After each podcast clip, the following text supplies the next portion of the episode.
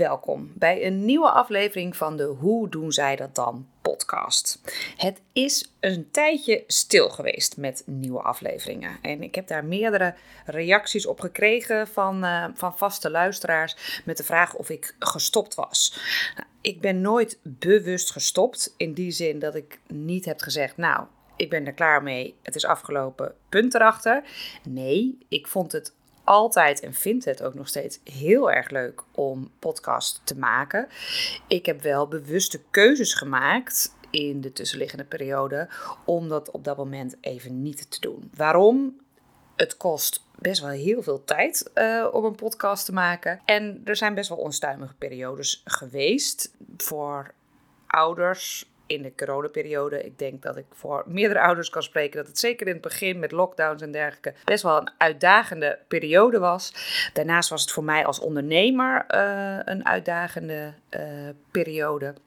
En heb ik, nou, toen corona alweer eventjes bezig was, maar een uh, tweede boek uitgegeven. Het boek Opvoeden hadden we er maar een gebruiksaanwijzing bij gekregen, die overigens zeer zeker ook bijdraagt aan balans. Dus eigenlijk had ik op dat moment andere prioriteiten in mijn leven.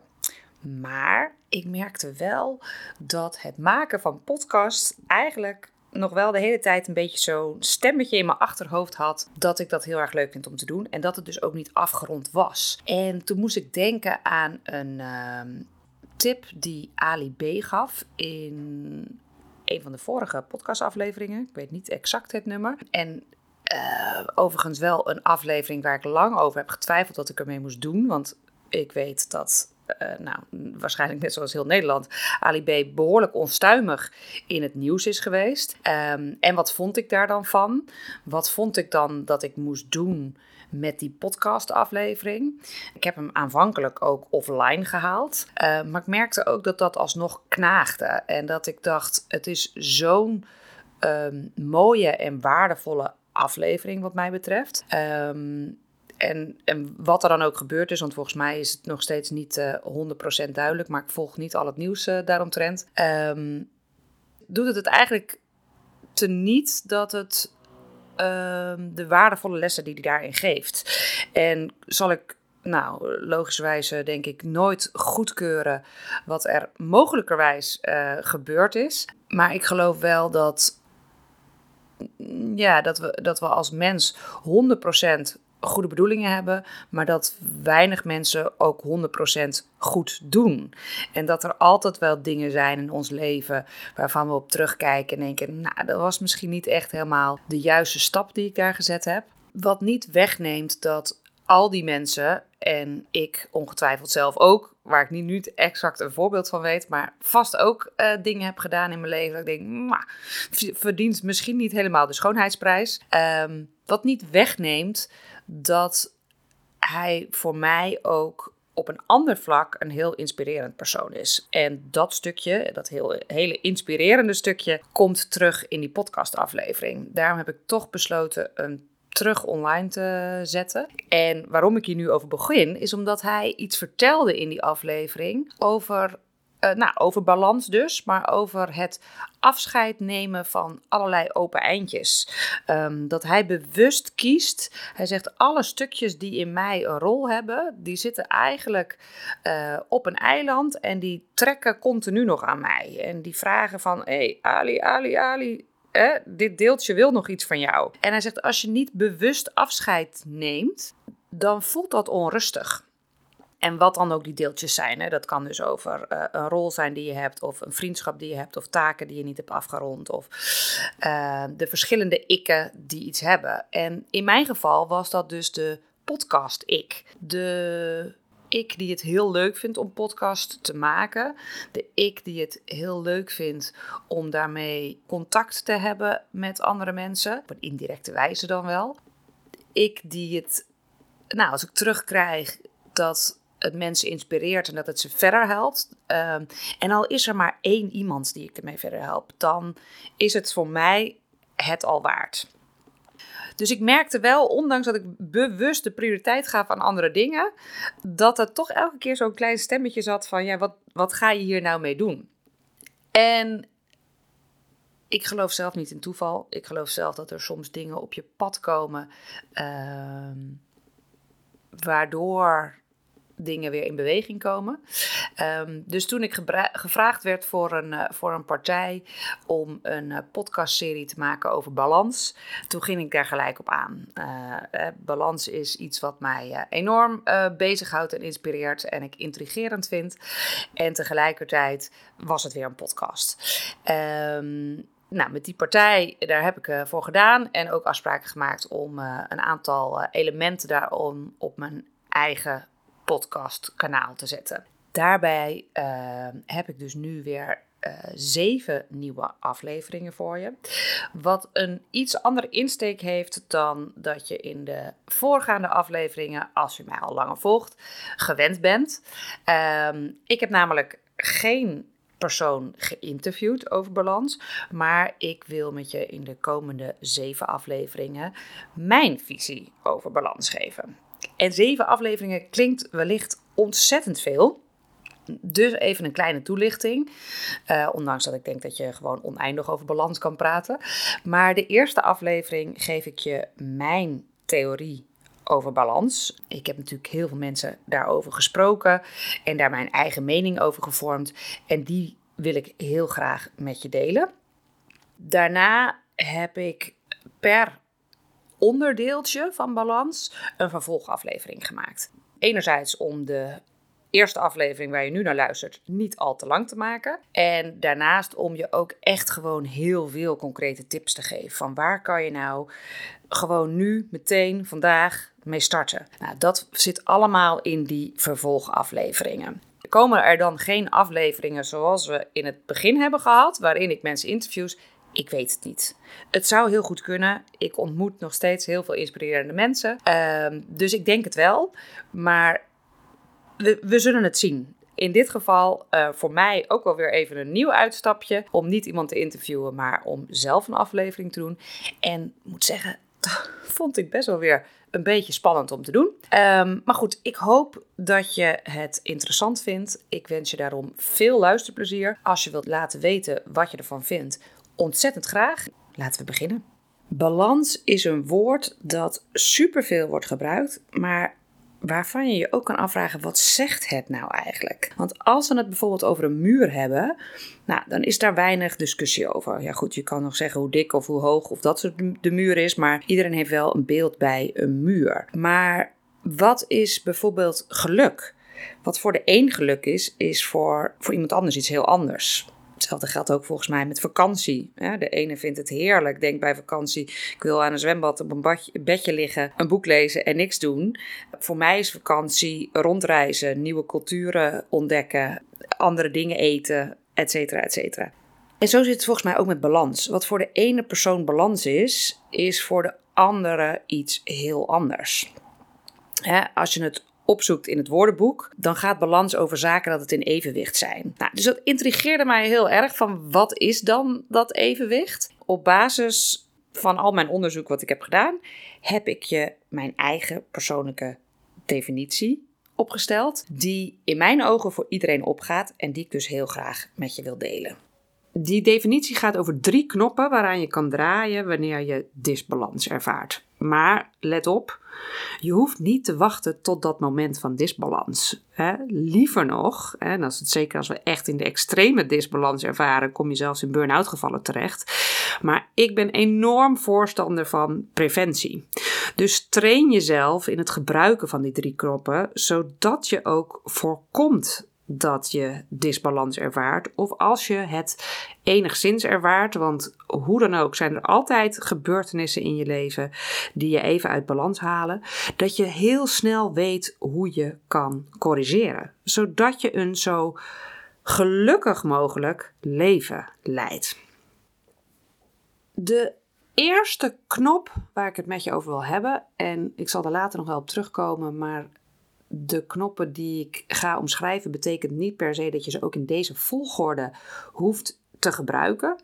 Ehm, maar ik ga ze eerst even alle drie omschrijven. De eerste knop is draaien aan wat je wil en wat je nodig hebt. Dus wat verlangen heb je eigenlijk? En dat klinkt heel makkelijk. En ik kan je vast verklappen, dat is het geval voor alle drie de knoppen. Ze klinken heel makkelijk, maar als je het hebt over bijvoorbeeld het leiden van een gelukkig leven, dan is dat in de theorie ook heel gemakkelijk. In de praktijk is het vaak een behoorlijke uitdaging. Dus daarom ga ik je ontzettend veel praktische tips geven in de vervolgafleveringen van deze serie. Hoe je de verschillende knoppen in de praktijk toe kan gaan passen, zodat het inderdaad makkelijk wordt. Dus dit is meer de overkoepelende aflevering waarin ik de theorie met je deel over de drie knoppen. Vervolgens ga ik in de vervolgafleveringen op elke knop in met bordeveel tips. Maar goed, de eerste knop was dus je verlangen voor wat je wil en wat je nodig hebt. En mensen weten vaak meer wat ze niet willen in plaats van wat ze wel willen. dus vraag maar eens wat iemand bijvoorbeeld qua werk wil dan krijg je toch al vaak de antwoord: ja, nou ja, dit in ieder geval niet. Of althans, ik hoop dat dat bij jou niet het geval is en dat je een baan hebt die je heel erg leuk vindt. Maar veel mensen zijn op zoek naar: ja, wat, geef ik nou eigenlijk? Wat doe ik? Wat kan ik doen? Waardoor ik heel veel voldoening ervaar. En dat is vaak al een behoorlijke zoektocht. Uh, en die zoektocht geldt ook voor balans. En een grote fout die we daarin vaak maken, is dat we onszelf gaan vergelijken. Ehm, zeker ook bijvoorbeeld als je het hebt over werkende ouders. Van, krijg je vaak van die opmerking: ja, maar ja, die ander kan het toch ook? Hè? Kijk maar eens hoeveel ballen die in de lucht houdt. Dan moet ik het toch ook wel kunnen? Nou. Uh, het is makkelijker gezegd dan gedaan, maar ik zou zeggen: stop ermee. Want balans is nou eenmaal voor iedereen anders. Dus kijk, wat wil jij? Hoeveel wil jij werken? Wat voor werk wil je doen? Hoe wil je je voelen door je werk? Hoeveel tijd wil je besteden aan je gezin of aan jezelf of aan je familie en vrienden? In deze afleveringen focus ik me vaak op werk- en privébalans, maar de theorie die ik je geef gaat eigenlijk voor alles op. Je gezondheid in balans, je relatie in balans. Wat wil je? Hoe ziet jouw ideale leven eruit? Dus het is belangrijk om te ontdekken wat je wil en om daarbij rekening te houden bij wat je nodig hebt. Want die dingen komen niet altijd met elkaar overeen. Ik was een uh, aantal weken geleden was ik op een, uh, een avond waarin mensen vertelden over hun grootste uh, mislukkingen in hun leven. Of de fouten die ze hadden gemaakt. En er was een, ehm, uh, een man die vertelde over het uh, bedrijf wat hij ooit is gestart. En hij zei: Ik had heel helder wat ik wilde. Hij vergeleek het met de. Um, Tom Cruise uit Top Gun zijn in zijn branche. Uh, wat hij daar precies bij, bij bedoelt, weet ik niet precies, maar daar ging het ook niet om. Hij had het uh, een website gemaakt, had een logo ontwikkeld, had visitekaartjes gemaakt. En hij zei: Ik heb nog nooit één iemand een visitekaartje gegeven. Die liggen allemaal nog steeds in de kelder. Waarom? Omdat hij tegelijkertijd met het opzetten van zijn eigen bedrijf met persoonlijke ontwikkeling aan de slag ging. En uh, hij deed een, uh, een diskanalyse. Ik zal daar in een van de latere afleveringen nog op terugkomen. Maar het gaat over uh, gedrags- en voorkeurstijlen die je hebt. En hij realiseerde zich dat eigenlijk het beeld wat hij had gecreëerd, wat hij graag wilde nastreven, dat dat iemand was die uh, innovatief is, die uh, in het middelpunt van de belangstelling staat, die het voortouw in dingen neemt, die heel extrovert is. Maar dat hij tot de conclusie kwam: die persoon ben ik eigenlijk helemaal niet. Dus als ik dat ga zijn, dan ga ik volledig voorbij aan wat ik intern nodig heb. Aan wat mijn innerlijke persoonlijkheid nodig heeft. Dus uiteindelijk is het de vraag: is het dan zo de allergrootste fout die hij heeft gehad? Of heeft hij er ontzettende mooie lessen uh, uit geleerd? Um, maar in ieder geval was het een mooi voorbeeld over het verschil met wat je wil en wat je nodig hebt. En corona is ook zo'n voorbeeld. Daarbij konden we heel goed aangeven wat we wilden, maar de praktijk was vaak anders. We hadden te maken met, met lockdowns. Werkende ouders hadden kinderen thuis, uh, waarbij je echt prima kon zeggen: Ja, ik wil gewoon heel graag rustig doorwerken. Maar de feit was gewoon dat je als ouder zijnde ook kinderen thuis had die uh, aandacht nodig hadden, die thuis onderwijs nodig hadden.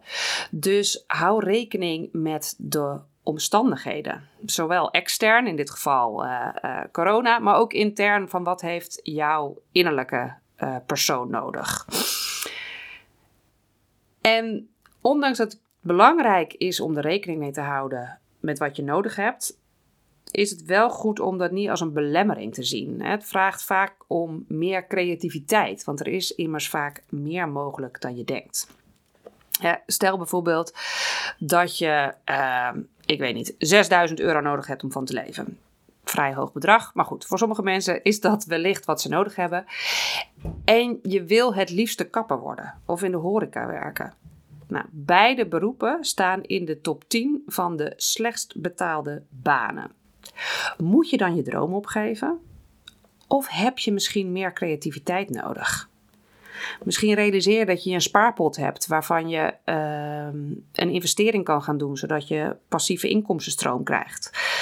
Of zorg je dat je een vernieuwend horecaconcept opzet, wat je als franchise in de markt kan zetten.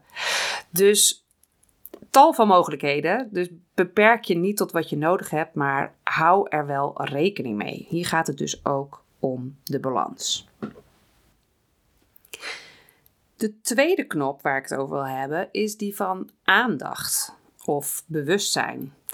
En dat is iets wat me enorm intrigeert, omdat wij mensen eigenlijk vaak denken dat we hele bewuste wezens zijn. Ehm, maar in de praktijk blijkt dat anders. Namelijk 95% van alles wat we doen wordt gestuurd van door ons onderbewuste brein. 95%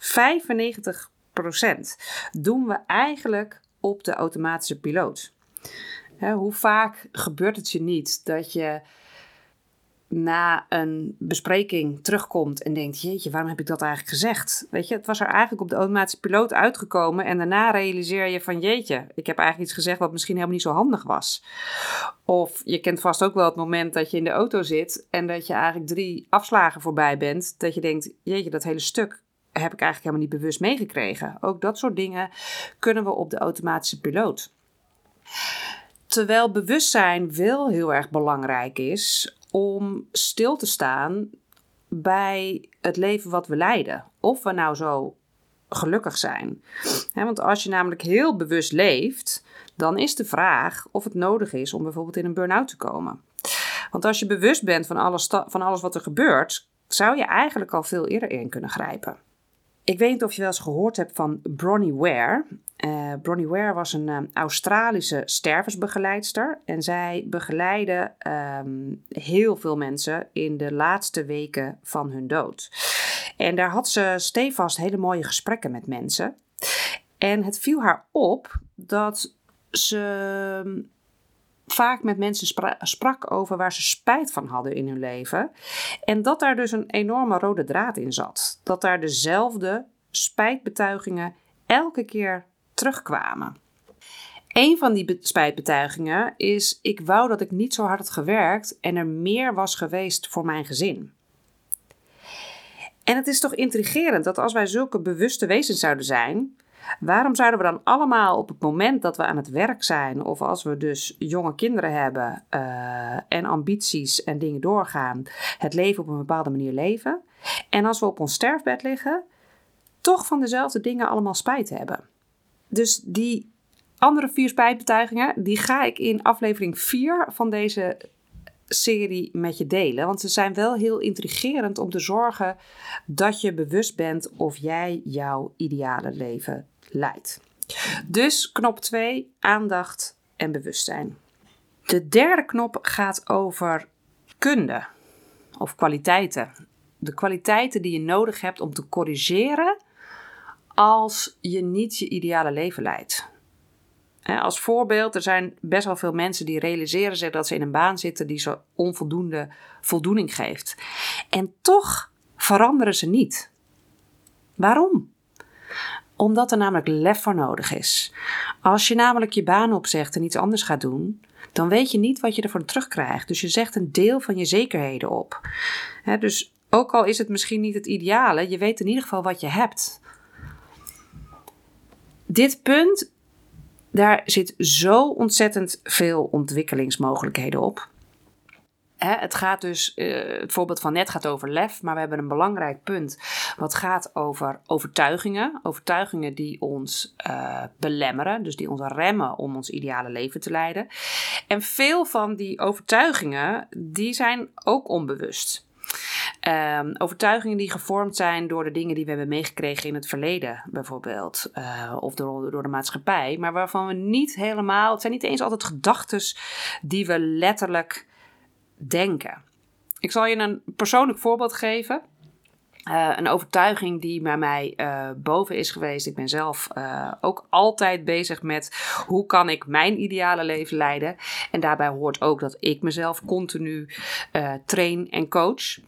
Um, en ik zat met een coach in een gesprek en daar kwam de overtuiging boven: ik moet de wereld redden.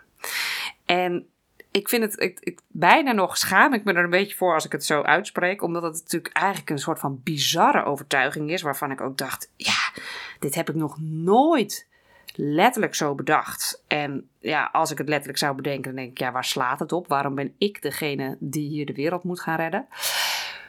Maar toen het bovenkwam, resoneerde het zo ontzettend in het gedrag wat ik vertoonde, uh, waarin ik uh, dus ook heel erg gericht was om um, hard te werken, uh, om dingen te doen.